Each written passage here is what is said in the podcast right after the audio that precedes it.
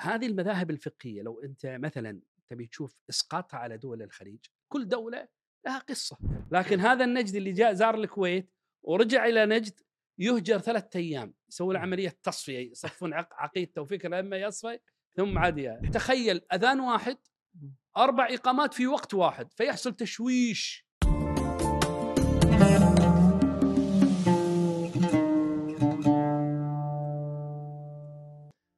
البساط احمدي واللي يعرف الأستاذ عبد العزيز العويد المؤرخ والباحث في التاريخ يعرف معنى الجلسة الخفيفة والبسيطة وكان اليوم حوارنا عن آه، المذاهب الفقهية وانتشارها في الخليج العربي وكيف انتشرت هذه المذاهب وكيف تأثرت وتغيرت وتطورت هذه المذاهب من منطقة إلى أخرى وارتباطها بالهجرات وكذلك أثر الدولة وتبنيها لبعض المذاهب وأثر على انتشار بعض المذاهب واختفاء كذلك مذاهب أخرى.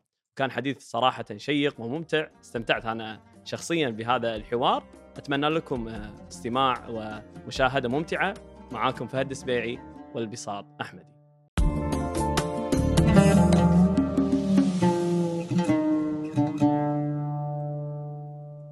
أول شيء يعطيك العافية أبو سعود. آه، بداية أنا أول وأنا اتابع ال- المقاطع اللي كنت أنشرها في اليوتيوب حول آه، المذاهب في الخليج العربي يا سؤال في بالي شنو مذهبك؟ هل درست مذهب معين؟ هل يعني فترة من فترات يعني تمذهبت أم هذه مجرد ثقافة عامة؟ بسم الله الرحمن الرحيم هو هو أصلا مذهبي هو مذهب والدي لكن والدي لم يكن له مذهب محدد يعني إحنا. آه، نشأنا في بيئة نشأ فيها عامة أهل الكويت. بمختلف أعراقهم بمختلف مواطنهم الأصلية وكل له موطن أصلي وكل له مذهب. فأنا مذهب والدي الذي عاش في بيئته وهي جنوب العراق مذهب مالكي. عاش بين المالكية المتمذهبين بمذهب مالك. حتى في سلوكياته في صلاته في تصرفاته مذهب مالك. جاء إلى بلد وهو الكويت يتمذهب أهله رسميا بمذهب مالك. لكن أنا لما نشأت كانت هناك علاقة روحية بيني وبين علماء السعودية مثلا فنشأت طالبا للعلم أتلقى العلم من علماء السعودية أو ممن له علاقة بهم. فنشأت على مذهب أحمد رحمه الله. وأنا الآن في آراء الفقهية فأنا مثلا إمام خطيب آه، في دروس العلمية أنا درست مذهب الإمام أحمد مرارا في عدة كتب. في فتاواي الفقهية إن- صح أن أسمى آه، أهلا للفتيا وأفتي للعامه على الأقل في المسجد أفتيهم بما بما تمذهبت به لا بما كان عليه والدي من قبل وهو مذهب أحمد رحمه الله. ف آه، سلوك آه، فتستطيع أن تقول أن مذهبي أحمد لكن لم يكن مذهبا آه، لم يكن مذهبا خالصا. فمذهب أحمد رحمه الله وكل مذهب. هناك من يسمون بالمحققين المحقق اللي في المذهب هو الذي لا يتمذهب بكل آراء المذهب يختار ما يراه موافقا للحق فهو يحقق يختار ما يراه فإذا رأى إذا رأى هذا العالم مثلا أن مذهب أحمد خالف الدليل والدليل مثلا عند غيره فالإمام أحمد رحمه الله لم يكن رسولا مر... نبيا مرسلا وإنما هو عالم يجتهد. قد يكون اجتهاده صوابا وقد يكون خطا الأمة كلها كذلك.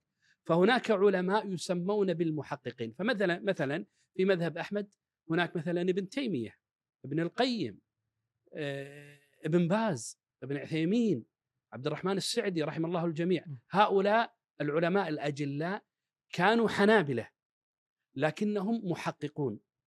فهم يختارون ما يرونه موافقا للصواب وهكذا في كل مذهب. حلو حلو جميل جدا. إحنا الحين لو نبي نرجع حق فكرة نشوء المذاهب نفسها يعني اليوم إحنا يمكن من وعينا على الدنيا وإحنا نشوف نسمع مذهب حنبلي مالكي حنفي ولكن يمكن كثير من ال- المستمعين أو الأشخاص العاديين ما عنده أي خلفية حول كيف نشأ المذهب هذا. يعني بعد وفاة النبي صلى الله عليه وسلم آه، في ناس يعتقدون إنه المفترض إن الدين واضح يعني لماذا نشأت هذه المذاهب أو كيف نشأت وبعدها تأثرها في الجانب الجغرافي يعني. صحيح.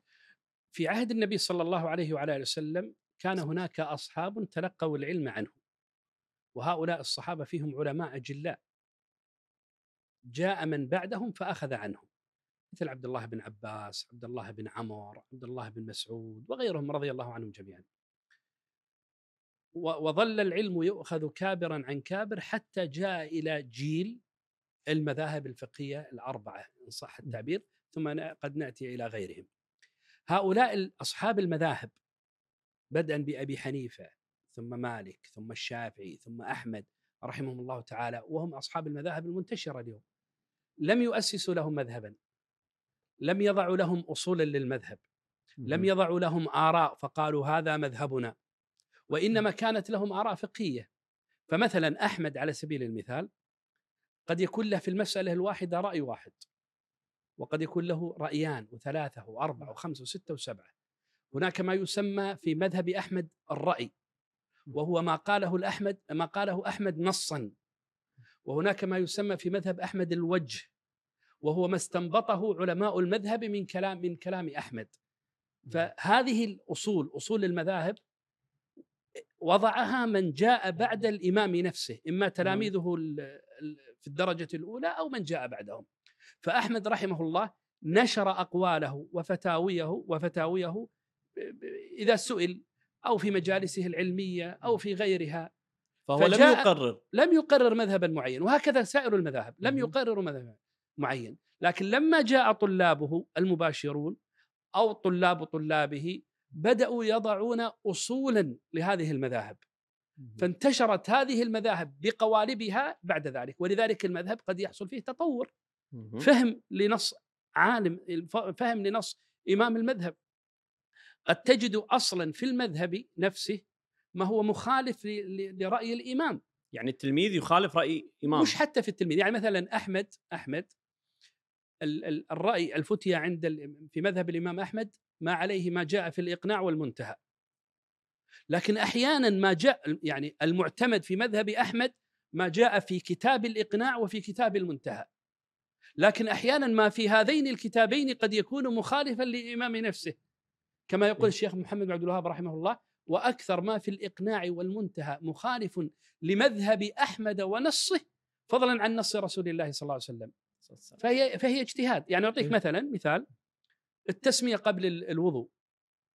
إذا بغيت توضأ تقول بسم الله. فهل هذه التسمية واجبة ولا سنة ولا مباح المذهب أنها واجبة مع الذكر. لكن شيخ المذهب ابن قدامة وإمام المذهب أحمد يرون أنها سنة. لكن هؤلاء اجتهدوا بما رأوا من نصوص أحمد. فهي تحصل لها تطورات معينة. أحيانا هؤلاء المذاهب الأربعة الفقهية لم تكن هي المذاهب الفقهية الوحيدة التي كانت سائدة. فهناك نعم. مذاهب فقهية أخرى. واختفت. يعني واختفت. يعني مثلا هناك مذهب الأوزاعي. الأوزاعي نعم. إمام دمشق رحمه الله كان له مذهب فقهي في دمشق. وانتقل بعض الدمشقيين إلى بلاد الأندلس ونشروا مذهب الأوزاعي في الأندلس. تخيل مثل مذهب مالك مثل مذهب الشافعي في مذهب اسمه الأوزاعي. مذهب الأوزاعي كان مشهورا في دمشق ثم انتقل بعض الدمشقيين إلى بلاد الأندلس في قرطبة اللي كانت عاصمة بلاد الأندلس ونشروا مذهب أحمد مذهب الأوزاعي. وظل المسلمون يتمذهبون بمذهب الإمام الأوزاعي حتى جاء هشام الأموي المعروف بهشام الرضا الأموي وتأثر بمذهب مالك وأبطل القول بمذهب الأوزاعي فصار مذهبا سائدا وهو مذهب مالك. بل هناك بعض علماء الأندلس يترجم لهم على أنهم آه، على مذهب الإمام الأوزاعي. خذ على سبيل المثال في مصر. في مصر كان فيها الليث بن سعد رحمه الله. الليث بن سعد كان إماما. له طلابه وله أصوله وله آراؤه مثل المذاهب الأربعة الفقهية. لكنها اختفى المذهب. الثوري الثوري رحمه الله حكى ابن تيمية رحمه الله أن أصحابه إلى القرن الخامس والسادس كان كان له علماء كان يسأل عن مذهب يقول مذهبه الثوري. أبو ثور أبو ثور كان من كبار أصحاب من كبار أتباع مذهب الإمام أبي حنيفة. ثم تغير وصار شافعيا. ثم استقل بآرائه الخاصة وأنشأ له مذهبا فقهيا. مش مذهب أنشأ له اراء فقهية وله طلابه فصار مذهب فقهي يسمى مذهب أبي ثور. بل محمد بن جرير الطبري محمد بن جرير الطبري لو تقرأ في كتب بعض تراجم الرجال مثل سير اعلام النبلاء يترجم على بعض أصحاب محمد بن جرير الطبري يقال هكذا الجريري. والجريري قد تكون نسبة إلى جرير بن عبد الله البجلي وهناك من ينسب إليه صحابي وقد تكون نسبة إلى المذهب. الجريري يعني أنه يتمذهب بمذهب محمد بن جرير الطبري. مثل ما نقول الشافعي الح- الحنبلي الجريري. فمحمد بن جرير الطبري كانت له بعض الآراء الفقهية التي لم يفهمها بعض خصومه فنقموا عليه وقالوا له رموه بالتشيع على سبيل المثال ولم يكن متشيعا والكلام عليه يطول لكنه كانت له آراء فقهية.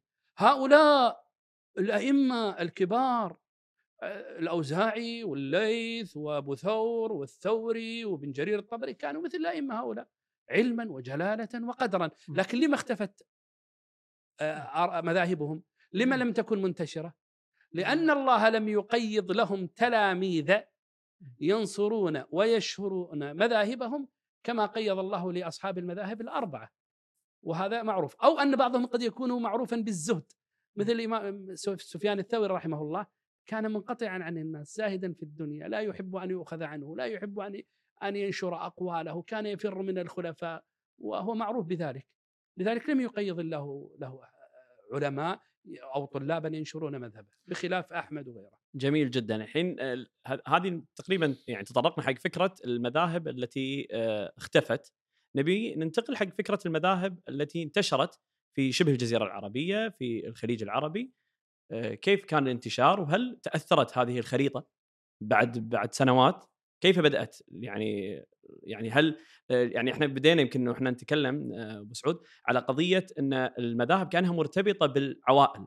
يعني بعد ما يعني كأن الإمام أو الشيخ يحدث في مجالسه بعدها يأتون التلاميذ وينشرون هذا هذا المذهب ثم كأن العائلة أو القبيلة أو آه، يعني المجموعة هذه يكون لهم مذهب يعني. آه، يتخذونه أو أفراد الأسرة يختلف مذهبهم من شخص إلى شخص وأثر على نفس الشيء على الخريطة الجغرافية. نشوف ال- طبعا المذاهب الفقهية انتشرت. فمثلا مذهب أبو حنيفة انتشر في بلاد آسيا الوسطى في بلاد الهند وباكستان آه، في دمشق في العراق في مصر وهو يعتبر أكثر المذاهب الفقهية انتشارا في تركيا بعد ذلك. آه، مذهب مالك انتشر في بلاد المغرب. في الساحل الشرقي للخليج العربي آه، في بعض آه، نواحي العراق جنوب العراق في بعض نواحي مصر. آه، مذهب مذهب الشافعي انتشر في بلاد اليمن في جنوب الجزيرة العربية جهة نجران وجيزان وعسير في الساحل الشرقي للخليج العربي جهة بر فارس أو حتى جهة فارس عموما في مصر في وسط العراق في شمال العراق. في السودان والصومال هذه كلها مذاهب شافعية. مذهب أحمد أقلها انتشارا لكنه كان موجودا وما زال موجودا في دمشق خاصة في الغوطة غوطة دمشق في نواحي دمشق. آه، طبعا السعودية الآن كلها تتمذهب مذهب أحمد في بعض دول الخليج آه، في قطر آه، في الشارقة رأس الخيمة في جعلان وهي في عمان. عمان. في في الساحل الشرقي في الساحل الشرقي هناك أسرة مشهورة تسمى أسرة آل فخروه مم. أسرة آل فخروه كانوا متمذهبين بمذهب الإمام أحمد على خلاف الأسر الأخرى التي كانت موجودة في الساحل الشرقي للخليج العربي. الساحل الشرقي كلهم شافعية إلا آل فخروه وآل مم. فخروه موجودون اليوم في قطر. في قطر وفي البحرين ويوجد منهم فرع في الكويت لكنه فرع صغير وله قصة قد يطول الكلام في سبب وجودهم في الكويت. لكنهم نصروا مذهب الإمام أحمد ولهم جامع الحنابلة اللي في المحرق هم شيدوه ولهم آثار علمية حنبلية في قطر إلى إلى يومنا هذا. هذه المذاهب الفقهية لو أنت مثلا تبي تشوف إسقاطها على دول الخليج كل دولة لها قصة. بسبب انتشار المذهب كل دولة لها قصة. لكن لو جئنا مثلا لدول الخليج كيف انتشرت هذه المذاهب الفقهية في دول الخليج؟ عموما عموما المذاهب تنتشر لأسباب مختلفة من أولى الأسباب تبني الحاكم. الحاكم إذا تبنى مذهبا معينا ألزم الناس به يعني مثلا ذكرت لك قبل قليل أن الأوزاعي كان مذهبا منتشرا في بلاد الأندلس لكن لما تبنى الحاكم وهو الخليفة الأموي هشام الرضا. لمذهب مالك أبطل ال- القول بمذهب الأوزاعي وأخذ بمذهب مالك فانتشر مذهب مالك. ال- آه، مثلا في آه، الساحل الشرقي للخليج العربي. بدءا من الإمارات التي كانت تسمى بساحل عمان مرورا بقطر البحرين الأحساء الكويت جنوب العراق اللي هي إلى إلى سوق الشيوخ والناصرية في أيام حكم المنتفج. هذه كلها متمذهبة بمذهب مالك مع أنهم لم يكونوا مالكية. كان المذهب الحنبلي أقدم. أقدم من المذهب المالكي. لكن سبب. ذلك أن أجود ابن زامل المشهور الحاكم المشهور آه، أخذ برأي مالك لأنه تأثر ببعض علماء المغرب الذين نقلوا مذهب مالك إليه وتبنى المذهب مالك وهو كان رجلا فقيها مالكيا ناشرا للعلم فأخذه ونشره في عموم ال- البلاد. فلما جاءت يعني مثلا على سبيل المثال أسرة الصباح. أسرة الصباح أسرة حكم في الكويت. أسرة الصباح ليسوا هم الذين أوجدوا مذهب مالك في الكويت. وإنما نعم. لما جاءوا إلى الكويت كانت هناك أسر سبقتهم للوجود في الكويت. مثل على سبيل المثال القبائل العوازم الرشايدة آه، آه، في الأسر مثلا هناك الصبيح آه، عفوا المصيبيح المصيبيح بروسلي السداني وهناك عوائل أخرى هذه موجودة قبل الصباح. فهذه العوائل كانت تتبع إمارة بني خالد التي كانت موجودة في ذلك الوقت والتي كانت تتمذهب بمذهب مالك. أسرة الصباح لما جاءوا إليهم في خلاف يطول ذكره من أين جاءوا وكيف جاءوا لكن لما جاءوا ووجدوا عامة البلد يتمذهبون بمذهب الإمام مالك صاروا مالكية. مهم. الله أعلم إيش كان مذهب الصباح قبل آه، ذلك. قد يكونوا حنبليا بحكم أنهم قد جاءوا من نجد أو تركوا نجدا قبل حوالي 500 سنة أو أكثر. أو قد يكون مذهبهم غير ذلك قد يكونوا شافعية لأنهم في بعض الأقوال جاءوا من من جهة بندر ديلم اللي في الأهواز اليوم وهذه كثير منهم يتمذهب بمذهب الشافعي. طبعا في منهم يتمذهب بمذهب الشيعة الجعفرية. فالمهم لما جاءوا إلى الكويت وجدوا أنهم يتمذهبون بمذهب مالك فأخذوا عنهم مذهب مالك. ولذلك من طريف ما يذكر أنه في مطلع القرن العشرين في حكم الشيخ سالم المبارك الصباح ظهر في نجد جماعة متشددة فكريا واعتقاديا تعرف في أدبيات التاريخ ال- ال- الخليجي بجماعة إخوان نجد أو إخوان من طاع الله. وهي جماعة ناس من محب الخير جماعة بدوية مكونة من عدة قبائل من. مطير والعجمان وعتيبة وبعض من. المحبين لهم وكانوا آه، يعتبرون القوة الضاربة للملك عبد العزيز رحمه الله وكان له رحمه الله وكان لهم سبب كبير في استيلاء الملك. عبد العزيز على نواحي كثيرة من الجزيرة العربية ومعروفون بتدينهم إلا أنهم أخذوا لكونهم متشددين في كثير من الجوانب. المهم هؤلاء كان معاهم واحد اسمه عبد الكريم الشيخ عبد الكريم الدرويش. عبد الكريم الدرويش هو جد الشيخ صالح. الشيخ صالح بن عبد الله بن عبد الكريم الدرويش. الشيخ صالح كان قاضي محكمة القطيف ثم صار قاضيا في محكمة مكة ولا أدري أين آه، أرضه اليوم لكن رجل فاضل من أهل العلم. عبد الكريم هو جد الشيخ صالح هذا. عبد الكريم صار داعية ومعلما لأهل الأرطاوية في نجد. وكان هو رجل له سيرة حافلة بالخير والذكر والزهد والانقطاع عن الدنيا وفيه تشدد. وتعرف أهل الكويت ذاك الوقت كانوا يعني يعني عند بعض أهل نجد يعني محل نقد. متفتحين شوي. متفتحين شوي وأنا أدركت بعض كبار أهل نجد من الحاضرة والبادية هو يقول عن نفسه. يقول إحنا كنا اللي جينا من الكويت نهجره ثلاثة أيام. ثلاثة. أيام هذا النجدي النجدي الحين مو الكويتي الكويت. أخو هذا مهجور خالص لكن هذا النجدي اللي جاء زار الكويت ورجع إلى نجد يهجر ثلاثة أيام يسوي له عملية تصفية يصفون عق- عقيدته وفكره لما يصفى ثم عاد فهذا كان موجود طبعا في نجد معروف. فالشيخ عبد الكريم الدرويش كان عالما وداعية لجماعة إخوان نجد الذين كان لهم سبب في معركة حمض بين الكويت ومطير في سنة 1920 ثم الكويت ومطير أيضا. في الجهرة في سنة 1920 بعدها بأشهر. وكان من أسباب هذه المعركة وجود معاصي وشركيات وبدع في عند أهل الكويت،. أهل الكويت عندهم شركيات وكانوا يشربون تتن، سجاير وكان عندهم معاصي وسفور هكذا يرون يعني. هكذا يرى جماعة إخوان نجد. فالمهم الشيخ عبد الكريم الدرويش أرسل رسالة للشيخ مبارك سالم المبارك الصباح. هذا اوردها الشيخ عبد الله البسام في كتاب علماء نجد. ينكر عليه معالم الشرك والمعصية الموجودة في الكويت. فختم رسالته بقوله ولا أدري ما هو مذهبكم يا أهل الكويت. طبعا مم. الشيخ سالم مبارك فيه دين معروف مم. عند أهل الكويت رجل متدين الشيخ سالم مبارك الصباح. وهو من تلاميذ الشيخ أحمد الفارسي. وكان من الم- الملازمين له ويوم زعل سالم المبارك مع أبوه مبارك زعل مشهورة زعلته. راح سكن الفنطاس في جنوب الكويت ويوم سكن الفنطاس كان الشيخ أحمد الفارسي تو جاي من فارس وقاعد في الفنطاس فلازمه وصار متاثرا به ولذلك لما حكم الشيخ سالم مبارك كان دائما يرجع إليه ويساله في كثير من الفتاوى وكان الشيخ أحمد الفارسي يعني يفتيه. المهم قال له أنتم شو مذهبكم يا أهل الكويت؟ فالشيخ سالم ذكي وما حب إنه يطول الموضوع فايش كتب؟ إيش سوى؟ أرسل له موطأ مالك كتاب الموطأ كتاب الموطأ موطأ مالك وكتب على جلدة الكتاب من الداخل السلام عليكم هذا مذهبنا والسلام. يعني إحنا نختلف عنكم إحنا مالكية وأنتم حنابلة إحنا لنا طريقة وأنتم لكم طريقة.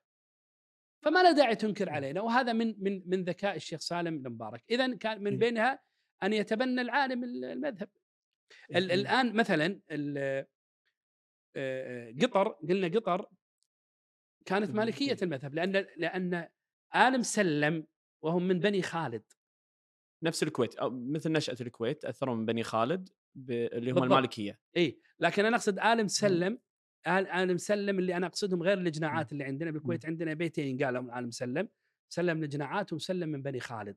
المسلم من بني خالد حكموا قطر والبحرين قبل آل خليفة وقبل آل ثاني. فآل مسلم كانوا مالكية. ثم لما حكم الخليفة كانوا مالكية وفي سنة في أواخر القرن التاسع عشر حكم الشيخ محمد بن ثاني جد أسرة آل ثاني الموجودة الآن.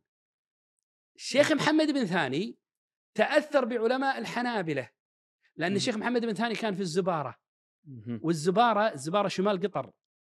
الزبارة تأثروا ببعض علماء الحنابلة اللي كانوا موجودين مثل الشيخ ابن جامع والشيخ ابن. فيروز وغيرهم. لأن لأن ال- آه، البصرة البصرة في جنوب العراق خربت وفي مثل عند أهل الخليج معروف يقولون خراب البصرة عمار الزبارة لأن كثيرا من الأسر البصرية التي هاجرت من البصرة مم. بعد خرابها استقرت في الزبارة في شمال قطر. والتي وجدت في عهد الشيخ محمد بن خليفة البحريني وكان من أجل من سكنها وعمرها والذي يعد من أثرياء إن لم يكن أثراها واغناها الكويتي أحمد بن رزق وهو من بني خالد. أحمد بن رزق اللي تنسب لهم قصر في شمال الكويت. هم. قصر لأن كان له قصر هني. فأحمد بن رزق راح استقر في الزبارة في شمال قطر والتف عليه العلماء وكان من جملتهم علماء الحنابلة. فمحمد بن ثاني تأثر به والشيخ جاسم المؤسس في قطر كان حنبلي المذهب. تأثر بذلك. لكون الشيخ جاسم وهو يعد المؤسس والذي تأس ت- يعني تولى الحكم كقائم مقام للدولة العثمانية في سنة 1872 كان مم. حنبليا فتغير مذهب أهل قطر المذهب الرسمي أنا أقول. تغير من المذهب المالكي إلى المذهب الحنبلي وما زال إلى يومنا آه هذا. إنزين الحين لو لما تطرقت آه، أبو سعود حق قضية آه، الدولة العثمانية، الدولة العثمانية اللي إحنا نعرفها إن مذهبهم حنفي. ما كان في تأثير على اليوم المذهب الحنفي يمكن من أقل المذاهب انتشارا في الخليج العربي، ما كان لهم تأثير كونه كان مذهب مرتبط ب يعني الدولة العثمانية أو أو غيرها. شوف هو فيه فيه أحناف موجودون هناك أحناف موجودون في الجزيرة العربية أو في الخليج قبل قيام الدولة العثمانية. مثل على سبيل المثال الشيخ عبد العزيز بن باز يحكي أنه لما قضى تولى القضاء في الخرج أو في الدلم وجد أقضية كانت تقضى بمذهب أبي حنيفة. الشيخ راشد بن خنين رحمه الله من أهل الخرج كان حنفيا. أسرة آل ملة في الأحساء أسرة حنفية. لكن لكن الدولة العثمانية لم تكن تملي على الأقاليم التابعة لها أن تتمذهب بمذهبها ال- ال- الاعتقادي وهم كما نعرف صوفيه أو ال- ال- الفقهي وهم أحناف أو حتى اللغة. لم لم يكونوا يلزمون الناس بتعلم اللغة العثمانية لكن. بعض الناس للولاء الروحي أو لكونه تأثر بعلماء ال- العلماء الأتراك أو غيرهم ممن كانوا موجودين في الدولة العثمانية. صار يتمذهب بمذهب ابي حنيفة وإلا. أسرة آل مله أسرة حنفية في الاحساء قبل ذلك والغريب أنه ان أن ال- الأسر اللي في الأحساء أقصد المذهب التمذهب بالمذهب الفقهي في الأحساء مثلا لم يكن منتشرا. يعني مثلا قد تجد أسرة مالكية أسرة شافعية. شافعية. ال- الانتساب الروحي للمذهب تجده عند هذه الأسر. أما عامة الناس ما يعرفون هالشيء. لما تجي واحد مثلا من أسرة المبارك تقول له شنو مذهبك؟ يقول لك أنا مالكي. لكن لو واحد من عامة أهل الحسا ما يدري يقول لك مذهبي كلنا إن شاء الله على خير أو يقول لك حنبلي أو ممكن يقول لك مالكي شافعي. بس يمكن هذا بالفترة الأخيرة ولا من من زمان من زمان نفس الطريقة؟ لكن لكن لكن لكن طبعا الأحساء تعد أثرى أثرى. أثرى الأقاليم الخليجية عناية بالمذاهب. وكان أكثر المذاهب انتشارا في ذلك الوقت مذهب الإمام مالك رحمه الله. في الأحساء. في الأحساء. وطبعا مع وجود الم- المذاهب م. الفقهية الأخرى. لكنه نشطت في الآونة الأخيرة اليوم م. مثلا أكلمك يعد مذهب الإمام الشافعي أكثرها نشاطا لأن الله قيض لهذا المذهب مهم. اسرا علمية حاضنة لهذا المذهب ناشرة له حريصة عليه مثل أسرة مثلا الدوغان ال- العرفج. آه، السيد الخليفة هذه أسر كريمة شافعية وهو و- وفي أبناء هذه الأسر من هو حريص على مذهب الإمام الشافعي حريص على نشر العلم ولذلك اليوم آه، يعد المذهب الشافعي من أنشطها مع وجود المذاهب الفقهية الأخرى. فلم تكن الدولة العثمانية حريصة على نشر المذهب الحنفي فيها. كانت هناك مخصصات مالية تعطيها للمدارس العلمية لكن لم تكن تميز آه، بينهم.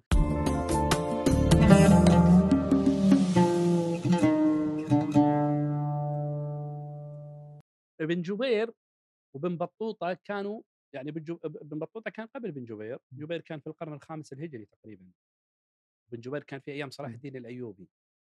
فحكى ابن جبير وابن بطوطة قبله أنهم لما زاروا المسجد الحرام رأوا فيه المذاهب الفقهية الأربعة اللي إحنا نسميها المقامات. مقام الحنفية مقام المالكية مقام الشافعية مقام الحنابلة مقام الزيدية. الزيدية. كان لهم مقام في المسجد الحرام لأنهم يقولون بأن الأشراف الذين كانوا يحكمون مكة كانوا. زيدية المذهب المقام عبارة عن عامود إيه، المقام عبارة عن آه، وش جهة. عمود يعني آه، محراب مثل. المحراب محراب متنقل.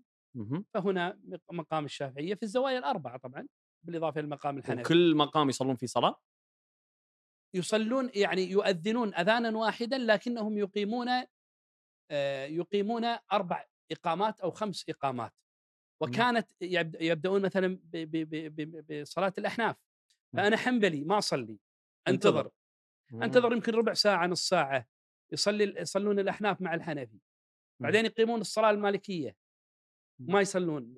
الحنفي يطلع من المسجد أو مم. قاعد الحنبلي ينتظر الشافعي ينتظر وهكذا. فكان لكل مذهب صلاة فلا يصلي خلف الإمام إلا ص- تابع المذهب أو اللي بيصلي. يعني أنا مم. ممكن حنبلي أصلي ورا الشافعي أصلي ورا مم. الحنبلي ما في مشكلة طبعا. لكن هذه كانت موجودة. وكانوا وكانوا لا يجتمعون في وقت واحد إلا في صلاة المغرب.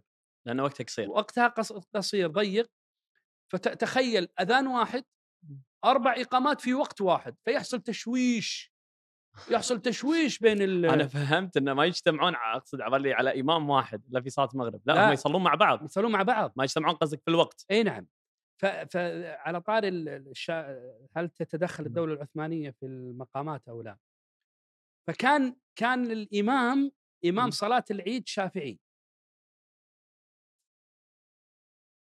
وكانت العادة إن الإمام الشافعي أنا الآن يغيب عني التاريخ لكن هذه ذكرها الشيخ محمد طاهر الكردي وغيره من في تواريخ مكة فكان الإمام الشافعي العادة مهم. أنه يصلي صلاة العيد ويخطب بالناس ثم يذهب إلى مجلسه ويأتي الناس ليتناولوا الفطور. عنده فطور العيد. الصباح فطور العيد ريوق العيد أيوه وإذا به في ليلة العيد غدا العيد يأتيه فرمان مرسوم من السلطان العثماني ب- بتولية إمام المقام الحنفي خطبة العيد وهذا مم. طبعا شرف كبير. جرد منه هذا الرجل تم عزله إي غبنة. غبنة يا الشرب الغبنة ففوجئ في ليلة العيد بهذا الفرمان فمات في أصيب مم. بالسكتة القلبية في نفس الوقت من شدة الخبر شدة وقع الخبر مم. وصلى الإمام الحنفي وكلهم أجلة لكن مم. هذا مرسوم الدولة وصلى بهم صلاة العيد وبعد صلاة العيد صلى صلاة الجنازة على الإمام الذي كان من المقرر أن يكون خطيب صلاة العيد خطيب الشافعي فاحيانا. يتدخلون لكن تعرف ال- الحرم له قدسيته مم. لذلك هم يحرصون عليه الدولة ولا الاقاليم الأخرى ما ي... ما يلزمون الناس ولا ولا يهتمون ب- بذلك. ومتى تم إزالة هذه هذه هذه في سنة هذه؟ 1343 مهم. في عهد الملك عبد العزيز رحمه الله. لما دخل الملك عبد العزيز الحجاز وبفتوى من العلماء أبطل هذه العادة لأمرين، الأمر الأول لكونها مخالفة لسنة النبي صلى الله عليه وعلى وسلم فلم يعرف عنه آه، ولا عن سادات العلماء من بعده أنها أنهم كانوا يصلون مثل هذا الأمر فهذا أمر محدث في الدين مم. لم لم يوجد إلا في القرن الثالث أو الرابع الهجري. والأمر الثاني لما يحصل فيها من التشويش. مم. وكان أول خطيب خطب خطب بهم خطب يوم الجمعة هو خطيب الحنابلة في ذلك الوقت. كان الشيخ آه، عبد الرحمن بن داود عبد الرحمن بن داود وهو من أهل ثادق المخضبة من بني هاجر رحمه الله تعالى. هو أول خطيب وكان حنبلي المذهب وظل الحنابلة آه، يصلون في المسجد الحرام كأئمة إلى يومنا هذا. قد يأتي بعض الحنابلة غير من غير المذهب الحنبلي لكنه كما تعرف يعني خلاص هو مذهب الدولة. هو مذهب الدولة الرسمي هو مذهب الدولة الرسمي. ولذلك لما آه، تولى مثلا آل سعود الحكم الدولة السعودية الأولى والثانية والثالثة كانوا حنبلية وانتشر المذهب ولعل إن شاء الله يأتي الكلام. حلو. عاده في سؤال دائما يطرح في الدواوين في المجالس إن مذهب الكويت ما هو مذهب الدولة ويقال دائما مذهب الكويت مالكي ودائما يتم التطرق لقضايا متعلقة في الأحوال الشخصية في القضاء أو ما لها يعني كأن الدولة اليوم يعني في أمور معينة الدولة في الغالب ما تتدخل فيها. مثلا عباداتنا الشخصية كل شخص يقدر يعني يمارس عبادته بطريقته الشخصية. ولكن في القضايا التي فيها إشكاليات في قضايا متعلقة في الزواج في الطلاق غيرها من الأمور المتعلقة في الأحوال الشخصية آه، هنا يتدخل القضاء اللي موجود في الدولة. فاليوم إحنا عندنا قسمين قسم متعلق بالفتوى وقسم متعلق بالقضاء. وما هو أثر؟ يعني هل اليوم نقدر نطلق بما أن والله ال صباح أو العوائل اللي آه، سكنت الكويت في البداية هي عوائل مالكية اذا هو مذهب الدولة كيف انعكس هذا على مؤسسات الدولة اليوم؟ هو المذهب ليس حاضرا عند عامة الناس. فلا والدي ولا والدك ولا عامة الناس عندهم مذهب يتمذهبون به صلاتهم يصلونها بما تربوا عليه وقد تكون الصلاة مأخوذة من إمام المسجد. الذي لي- ليس من أهل البلد. ومذهبه يختلف عن مذهب أهل البلد. لكنهم نشأوا عليه. الت- التمسك في العبادات في مذهب محدد هذا موجود عند بعض الأسر لكنه نادر. موجود ليس ليس يعني منعدما. لكن هذا يحصل في القضاء. القضاء غالبه وليس كله وليس كله غالبه في الكويت على مذهب الإمام مالك رحمه الله. لكن في بعض المسائل الفقهية والكلام عليها يطول في بعض المس- المسائل الفقهية أخذ القضاء بمذهب غير مذهب الإمام مالك. بعض المسائل. ال- الكويت عندنا حاكم وعندنا مفتي وعندنا قاضي وعندنا عامة الناس. فالحاكم مثل ما تفضلت هو مالكي. وهو بما عليه عامة البلد. واصلا أسرة الحكم في الكويت مثلهم مثل عامة الأسر ما عندهم تمييز المذهب. مثلا تجي للصباح الحين في واحد الآن ولا قديما؟ تساله شنو مذهبك؟ ما يدري. لأن مذهبه مثل عامة الناس اللي تلقيته عن أبوي أو عن مدرستي. أو عن مدرسي وآخر. كان هناك قضاة. والقاضي لابد أن يكون متمذهبا بمذهب معين. قد يخرج عن هذا المذهب لكنه ينسب نفسه لمذهب لأنه من أسرة علميه فأول قاض يذكر أنه تولى القضاء في الكويت لم يكن مالكيا وإنما كان حنبليا. وهو الشيخ محمد بن عبد الوهاب بن فيروز الوهبي التميمي رحمه الله. فهذا الشيخ محمد بن فيروز فيما يذكر أنه أول قاض تولى القضاء في الكويت. والشيخ ابن فيروز من أهل الأحساء. وهم من حنابلة الأحساء. هناك اسر علمية في الأحساء كانت تتمذهب مذهب الإمام أحمد مثل أسرة ابن فيروز ابن عفالج أو عفالج. هذه اسر حنبلية. فأسرة ابن فيروز من حنابلة الأحساء. فالشيخ ابن فيروز الذي يذكر أنه أول قاض تولى القضاء في الكويت كان حنبليا. ثم جاء بعده طبعا الشيخ ابن فيروز هو والد الشيخ عبد الله بن محمد بن عبد الوهاب بن فيروز والشيخ عبد الله من كبار علماء الاحساء وهو ابن عمة الشيخ محمد بن عبد الوهاب رحمه الله العالم النجد الشهير. وحفيد الشيخ محمد بن فيروز هو الشيخ محمد بن عبد الله بن محمد بن عبد الوهاب بن فيروز الذي يعد أشهر علماء الأسرة والأسرة أسرة علمية لا فيها الكثير من العلماء من هذه الأسرة من هذا الفرع وغيره. الشيخ محمد اللي هو الحفيد كان كفيف البصر لا يرى.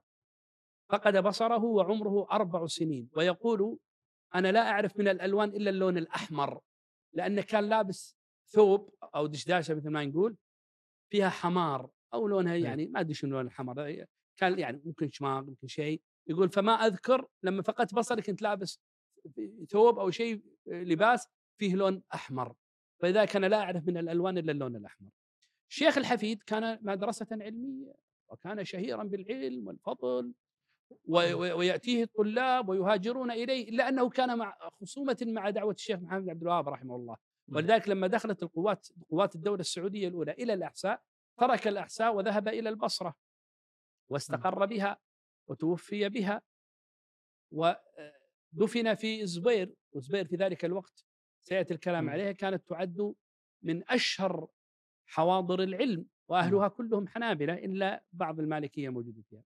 فالمهم تولى بعد الشيخ ابن فيروز الشيخ ابن عبد الجليل أحمد بن عبد الجليل وكان حنبليا.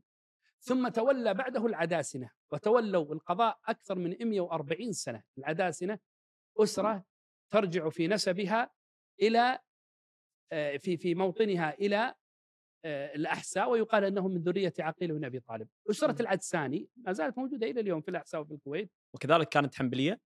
كانوا شافعية. وتولوا القضاء أكثر من 140 سنة. فالقضاء في الكويت على مدى أكثر من 140 أو 160 سنة كان قضاء شافعيا. لكن الحاكم أو الدولة كانوا مالكية. فهل هذا قد يحصل. عذرا عن المقاطعة بس هل كان ال- القاضي يحكم بناء على مذهبه على ولا على آه، رأي الدولة ولا اجتهادا منه؟ لم تكن هناك فتاوى محررة أصلا مم. لعلماء ال- الع- الشاب العداسنه يعني أسرة العداسنه أسرة علم واسره فضل لكن لم تكن لهم فتاوى محررة مثل غيرهم من العلماء يعني أنت تشوفهم في إحنا نسميها في الكويت ال- العدسانية شنو العدسانية؟ اللي يكتبونها في القضاء العدسانية هي عبارة عن صك مثل ما مم. نقول صك محكمة. شلون صك المحكمة الحين قبل القاضي العدساني آه، يعطي مثل الصك يكتب شيء. غالب أعمالهم في هذه الصكوك ويفتون وفيهم أئمة وفيهم خطباء وهم أهل العلم وفضل طبعا. حتى من طريف ما يذكر إن واحد كويتي راح البحرين زيارة. ولما كان في البحرين وقع في مشكلة خصومه مع واحد بحريني. فتحاكم إلى قاضي البحرين. وقضى له. قاضي البحرين فرد الكويت هذا الكويتي يسولف في الربعة. قال وأنا لما رحت البحرين صارت لي مشكلة مع واحد بحريني ورحنا العدساني البحرين. سماه عدساني مع يعني ظن إن العدساني معناها القاضي يعني إيه. فمشى عليها. في فترة من الفترات واحد من علماء العداسنة اختلف مع الشيخ علي بن ش... علي بن نشوان علي بن شارخ. الشيخ علي بن شارخ كان حنبليا كويتي كان مم. كويتيا طبعا. الشيخ علي بن شارخ كان آه، عالما جليل القدر. شفت آه، مسجد آه، شارع شارع علي السالم وين بنك بوبيان الرئيسي.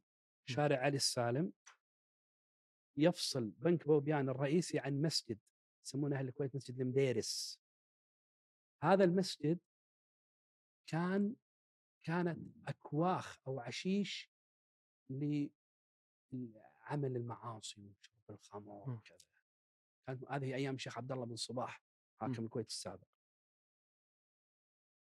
فالشيخ علي بن شارخ تولى القضاء يمكن سنتين أو كذا مدة قصيرة.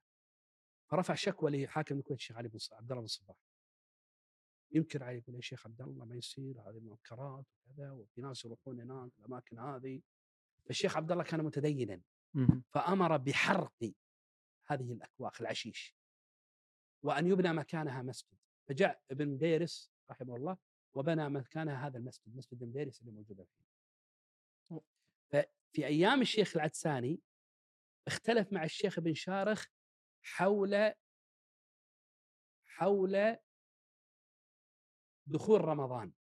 إذا مم. حال دونه غيم أو قطر. إحنا الحين نتراءى مم. الهلال قبل رمضان فمذهب الحنابلة أنه إذا حال دونه غيم أو قطر غبار شيء مو يعني الرؤية. مو واضحة الحنابلة يقولون نصوم اليوم احتياطا يسمونه يوم الشك مع أنه يمكن 30 شعبان مم. قال نصوم احتياطا الشافعية قالوا نفطر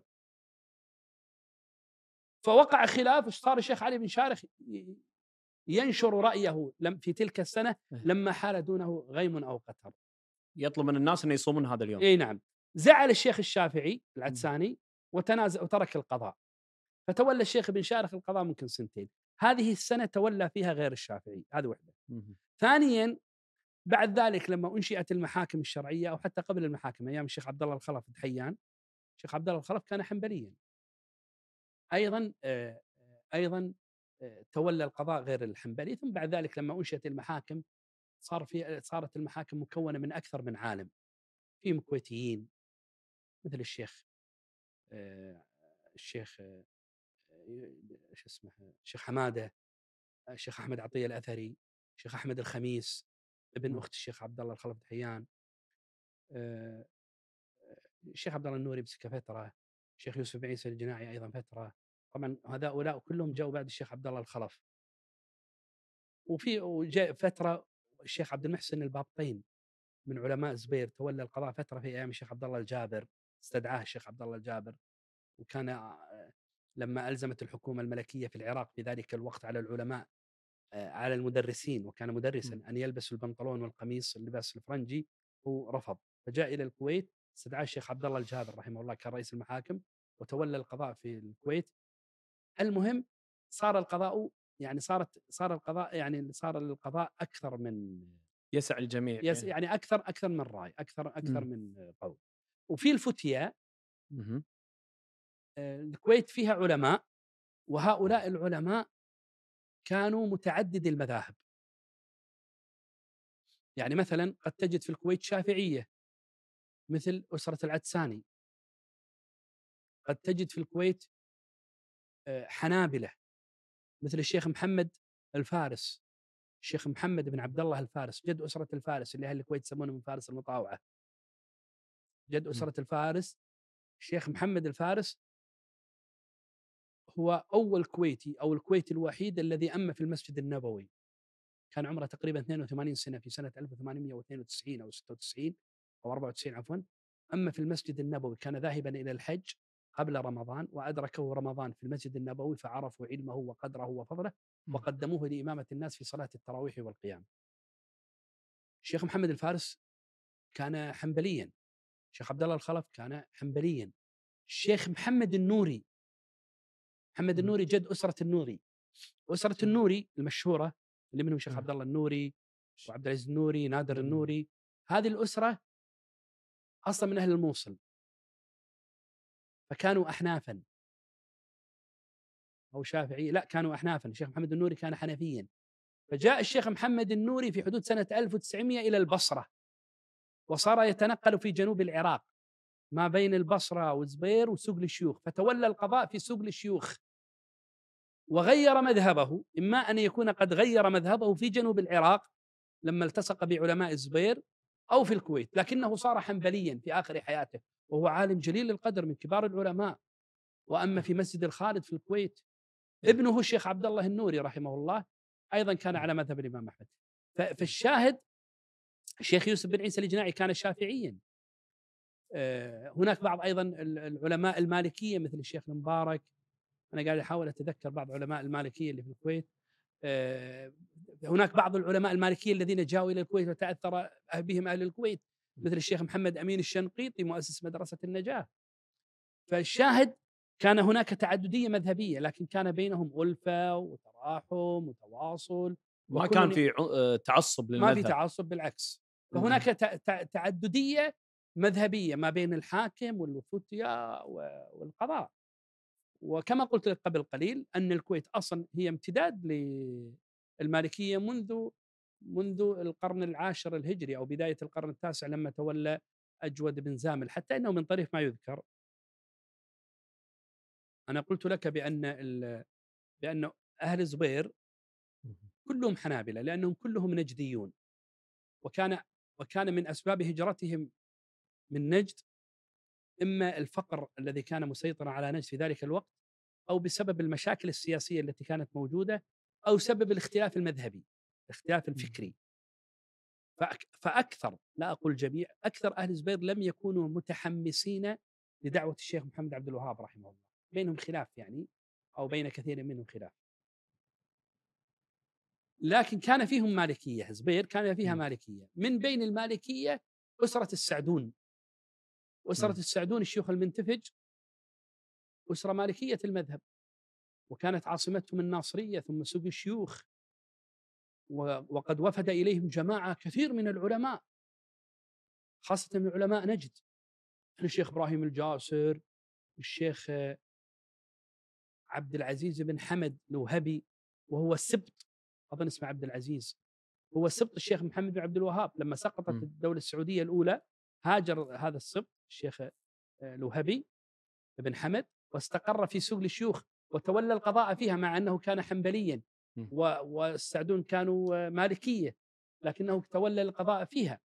فالشاهد أن الشيخ مزعل باشا السعدون بنى له جامعا في مدينة زبير اسمه جامع مزعل باشا ما زال الجامع موجودا إلى يومنا هذا. لما بناه كان الشيخ الشنقيطي موجودا وهو أيضا مالكي ومزعل باشا مالكي. فعرض عليه أن يتولى إمامة المسجد لكونه مالكيا. فاعتذر الشيخ محمد أمين وهو غير صاحب أضواء البيان. محمد أمين هذا مؤسس مدرسة النجاة في زبير اعتذر لأنه يريد الحج. فذهب إلى الحج واستقر في عنيزة فترة والتقى مع الشيخ عبد الرحمن السعدي في ذلك الوقت أو أخذ عنه الشيخ عبد الرحمن السعدي. وممكن قبله شوي. ثم ذهب إلى مكة فطال مقامه هناك فعين الشيخ مزعل باشا آه، اماما مغربيا لكونه كان مالكي المذهب. يعني كان أغلب الحديث قاعد يتكلم عن قضية الهجرة. يعني أنا لاحظت من كلامك مسعود قضية هجرة إما أسر تهاجر فتنقل هذا المذهب إلى منطقة أخرى أو عالم من العلماء يهاجر فيؤثر على المنطقة بسبب هجرته يعني. ولاحظت إن أكثر من مرة ذكرت قضية هجرة أهل نجد وتأثيرهم في زبير وبعدها أهل زبير تأثيرهم في المنطقة الخليج العربي. ممكن ناخذ فكرة أكثر عن هالجانب؟ هو شوف طبعا بالنسبة للتعددية المذهبية اللي موجودة في نجد مثلا قديمة. يعني مثلا قبل أن نتكلم في موضوع الهجرة آه، مثلا مذهب الإمام أحمد كان مذهبا قديما موجودا. فابن عطوة على سبيل المثال كان في القرن التاسع الهجري وبعضهم يقول قبل ذلك كان المذهب الحنبلي موجودا. أهل الأحساء آه، كانوا حنابلة. أو كان جزء كبير منهم حنابلة. وابن تيمية رحمه الله من حنابلة الشام كان على تواصل مع حنابلة الأحساء كانوا يراسلونه. فبعض الأسر العلمية في ذلك الوقت هاجرت. واستقرت في أماكن مختلفة. لما هاجرت نقلت كثيرا من مذهب. لو جئنا مثلا على سبيل المثال الأسر النجدية مثلا. الأسر النجدية لها هجرات لأسباب مختلفة كما ذكرنا. قد تكون أسبابا سياسية أو تجارية أو غيرها من الأسباب. فلما تهاجر هذه الأسر وخاصة كانت بعض الهجرات هجرات جماعية تنقل معها مذهبها. الكويت على سبيل المثال. تعرف أن الكويت بدأت الأسر تتقاطر على الكويت بكثرة بعد سنة 1903 لما الشيخ مبارك الصباح أبرم اتفاقيته مع الإنجليز في سنة 1899 ظلت هذه الاتفاقية سرية ثلاث سنوات. إلى سنة 1901 تقريبا انتشرت. فالإنجليز إيش سووا؟ كافأوا الشيخ مبارك وحولوا ميناء شركة الهند الشرقية في الهند بدل لا ينزل في البصرة ميناء البصرة صار ينزل في الكويت. فنشطت الحركة التجارية في الكويت وبدأت الأسر تأتي إلى الكويت من كل مكان من الأحساء من العراق من فارس ومن نجد أيضا. كانت هذه أكثر هجرة نجدية من من نجد إلى الكويت. بعد 1900 بعد 1900 أكثر الأسر النجدية التي سكنت الكويت كانت بعد بعد سنة 1900 هناك أسر جاءت قبل ذلك التاريخ لكن أكثرها جاء قبل 1900 وبعد 1900 طبعا. لكن الكويت في ذلك الوقت كانت تعيش طفرة اقتصادية في عهد الشيخ مبارك وأثرت الأسر النجدية تأثيرا كبيرا على الكويت في لهجتها في مذهبها في عاداتها وتقاليدها في تجارتها كثير من الأشياء. وهم أسر متدينة محافظة لها عادات وتقاليد مثل كثير من الأسر طبعا لكن بين كان بينهم ألفة وكذا وأصحاب دين وفيهم ناس علماء أو طلاب علم. فتغيرت الكويت وسكنت أكثر هذه الأسر سكنوا في المرقاب بداية نشأة المرقاب، المرقاب تعرف الكويت كانت شرق وجبلة، المرقاب بدأ في أواخر القرن التاسع عشر يعني 1890 قبلها بعدها تحديدا لكن بدأت الأسر النجدية تسكن المرقاب. فلما سكنت هذه الأسر النجدية المرقاب ظلوا محافظين على عاداتهم وتقاليدهم ومذهبهم الحنبلي الذي جاءوا به من نجد وبرز منهم طبعا علماء وأهل علم وفضل في في ذلك الوقت. أيضا لما هاجرت كثير من هذه الأسر النجدية إلى الزبير ظلوا محافظين على مذهبهم الحنبلي واستقروا أيضا. وطبعا هناك كثير من هذه الأسر لكن كانت هجراتهم فرادى استقروا في العراق في بغداد استقروا في الشام وكانوا ينقلون مذهبهم النجدي بالإضافة إلى عاداتهم وتقاليدهم. لكن أحيانا أحيانا قد تجد عالما هكذا نجدي يرحل بنفسه أو يغير مذهبه بنفسه.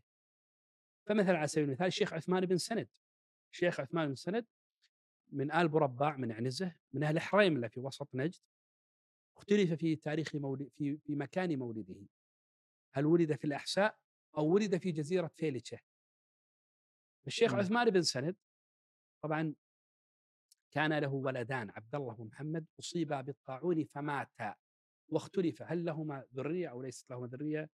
كلام طويل وقد يكون أيضا محرجا.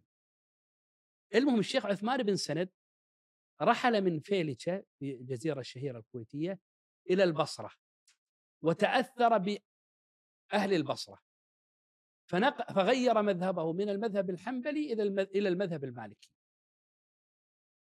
ومنهم أيضا رجل اسمه محمد أو عبد الله المزيد وجدت له ترجمة في كتاب علماء نجد البسام من أهل المذنب بالقرب من عنيزة في القصيم. شيخ المزيد كان يكتب في ترجمته هكذا: الحنبلي النقشبندي الحنبلي المالكي النقشبندي لأنه رحل إلى البصرة وتأثر بالطريقة الصوفية النقشبندية في البصرة فكان يغير ويقول أنا حنبلي نقشبندي أو حنبلي مالكي هذا موجود. من الأسر التي هاجرت وصار لها تأثير بنقل مذهبها الفقهي الأسر الأسر أهل أهل الساحل الشرقي في فارس. سواء الأسر العربية التي كانت تسكن على ضفاف الخليج العربي. من الناحية الشرقية أو الأسر التي كانت تسكن في العمق. وهذه الأسر التي تسكن في العمق قد تكون بعضها أسر عربية لكنها عربية استعجمت. فيهم أشراف قتالية حسنية حسينية مثلا. فيهم عباسيون فيهم عرب. لكنهم مع مرور الوقت هاجروا إلى فارس قبل أكثر من ألف سنة. صاروا عجما بلسانهم. ودخولهم مع العجم. لكن ظلوا محافظين على مذهبهم الشافعي.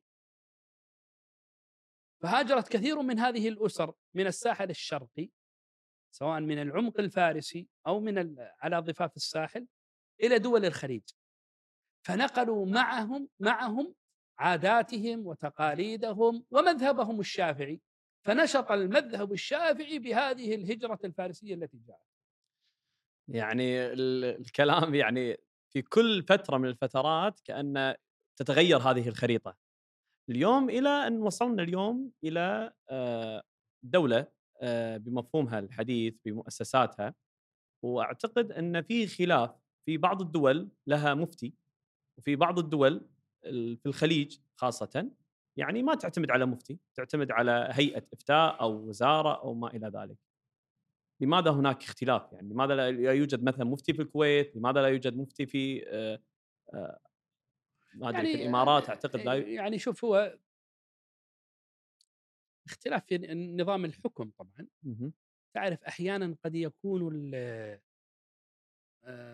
قد يكون الجانب الديني ند قد يكون الجانب الديني موازن مع الجانب السياسي. فمثلا الدولة السعودية الأولى قامت بناء على حلف بين محمد بن سعود ومحمد بن عبد الوهاب رحمهم الله. الحكم والسياسة والإدارة لمحمد بن سعود. لكن البيعة والجانب الديني كان عند الشيخ محمد عبد الوهاب.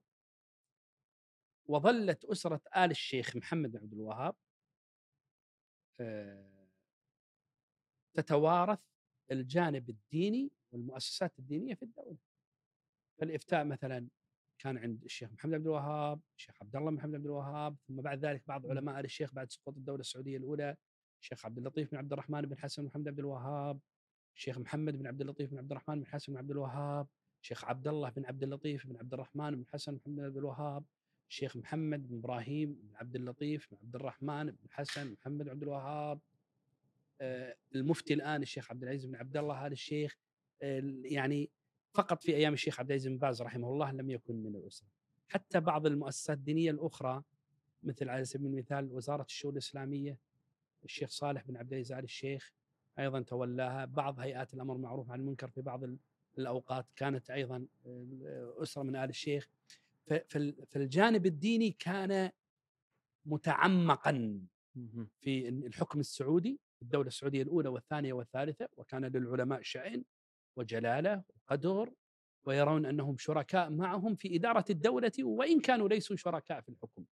فلهم احترامهم وإجلالهم وتقديرهم وتعد أسرة آل الشيخ قديما وحديثا من أشهر وأعرق الأسر في المملكة العربية السعودية. مثل ذلك يقال على سبيل المثال في في الجنوب. في الجنوب كما نعرف أكثرهم أكثرهم على مذهب الإمام الشافعي رحمه الله.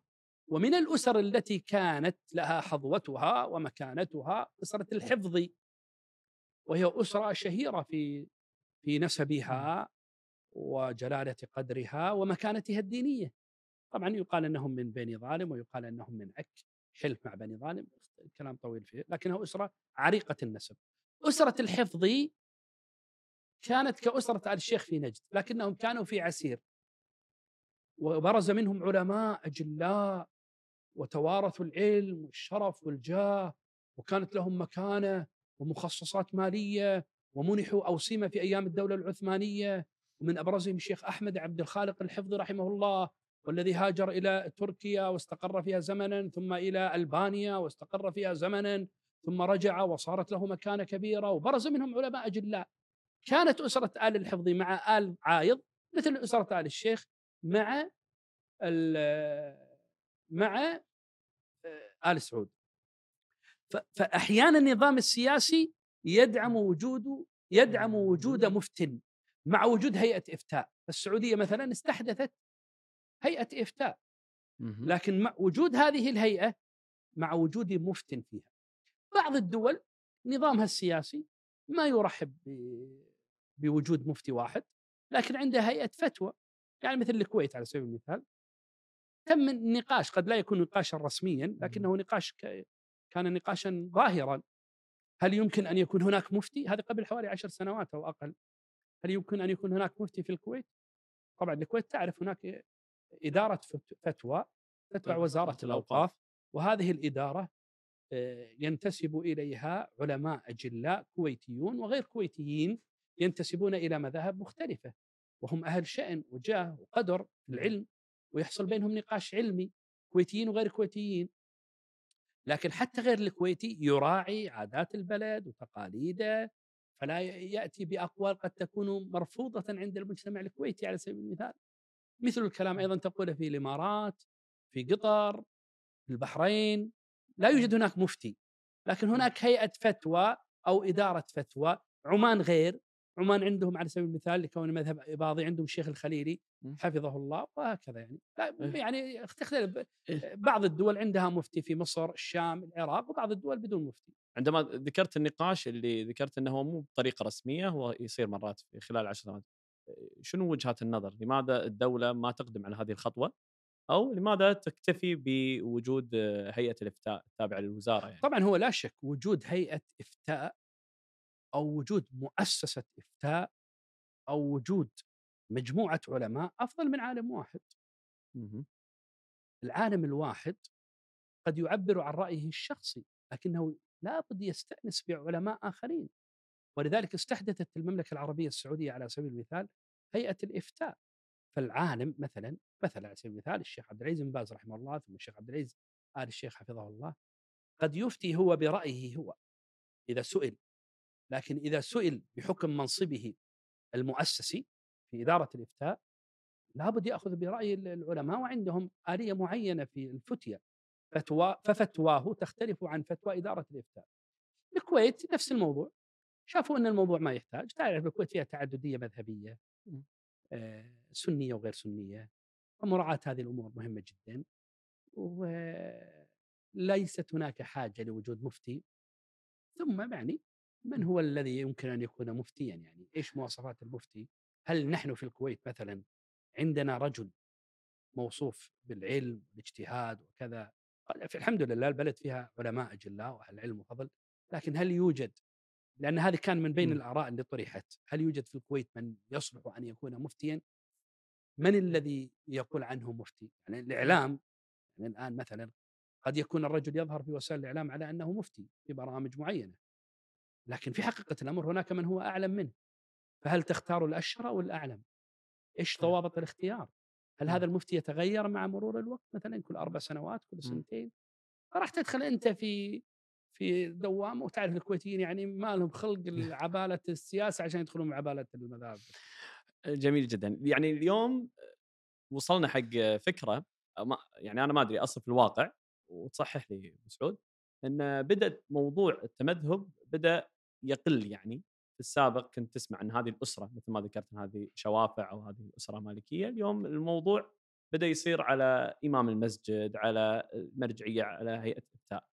هل هذا يعني قاعد خلاص يتلاشى يعني؟ يعني صرنا يعني نسمع عن الآراء من باب الثقافة كأنها العامة إن هذا رأي إمام مالك أو هذا رأي إمام أحمد. ولكن عندما نحتاج اليوم إحنا مثلا في رمضان ولا في غيره من الأشهر نحتاج بعض الفتاوى أروح حق إمام المسجد من غير ما يعني أدرك أصلا إمام المسجد إيش مذهبه يعني اساله.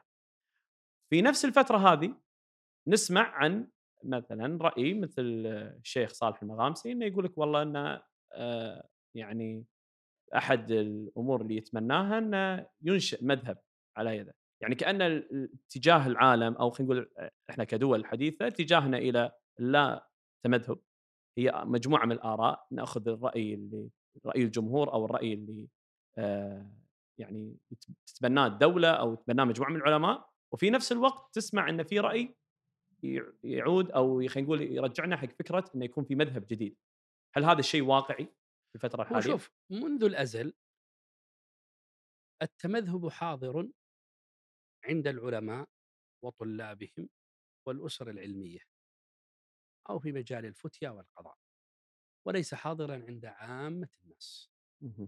إلى يومنا هذا. الذين يتمسكون بالمذهب اليوم هم المفتون أو القضاة أو الأسر العلمية التي يتمذهب آباؤهم وأجدادهم بمذهب معين فهم حريصون على هذا التمذهب إلى يومنا هذا.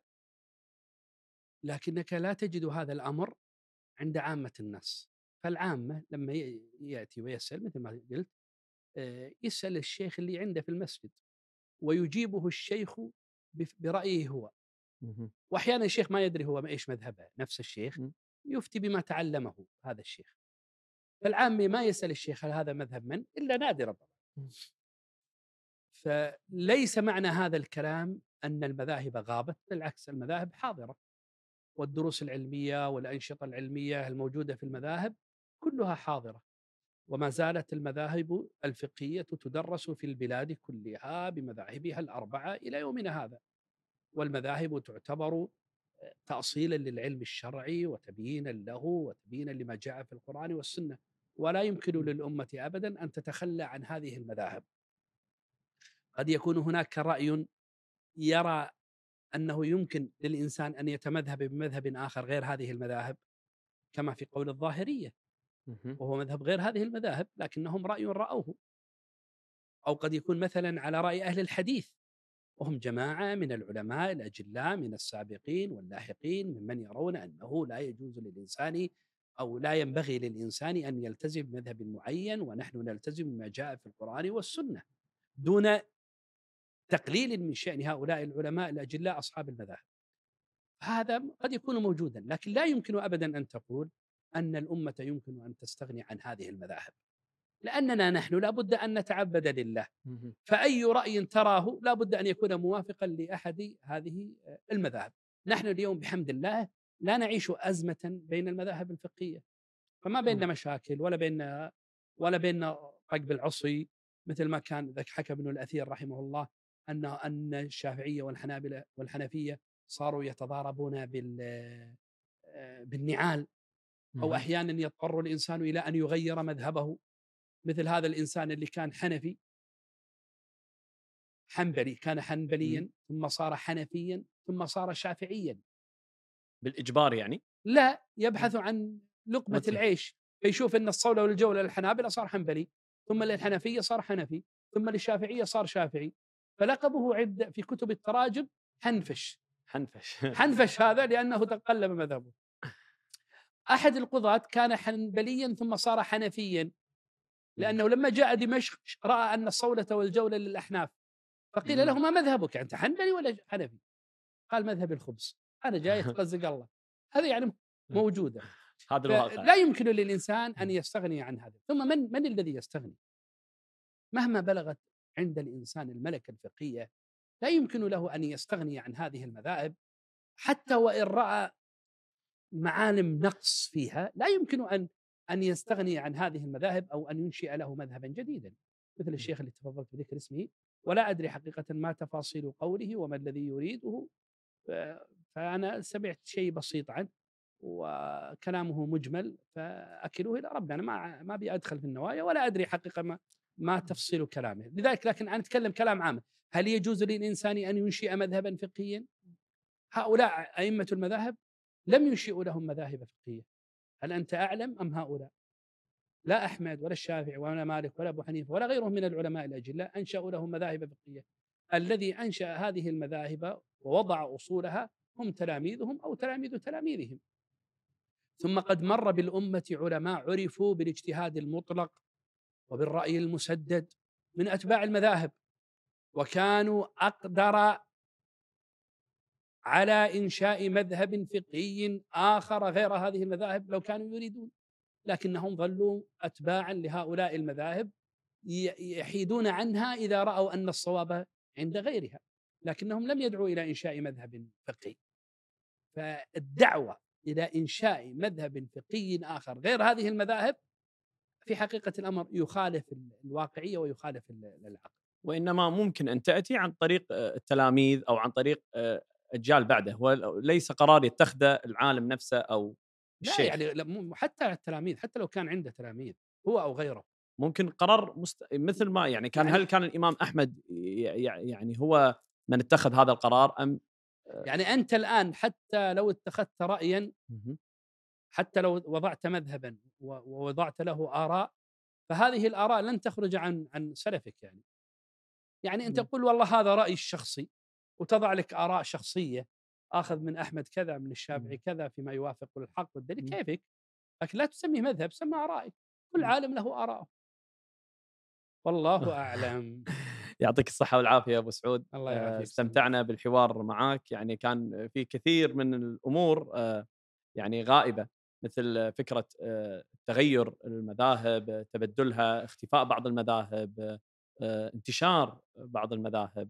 كذلك قضية أن في كثير من الناس يسمع عن هذه المذاهب ولا يعني يعرف الخلفية التاريخية حول هذا الشيء.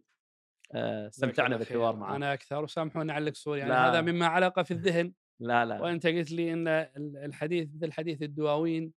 فحديث الدواوين مثل ما نقول خذ وخل يعني. فأرجو أن لا تتتبعوا كل ما ورد وتحملوه على محمل كتاب معرض للنقد وغيره. يعني هي دردشة.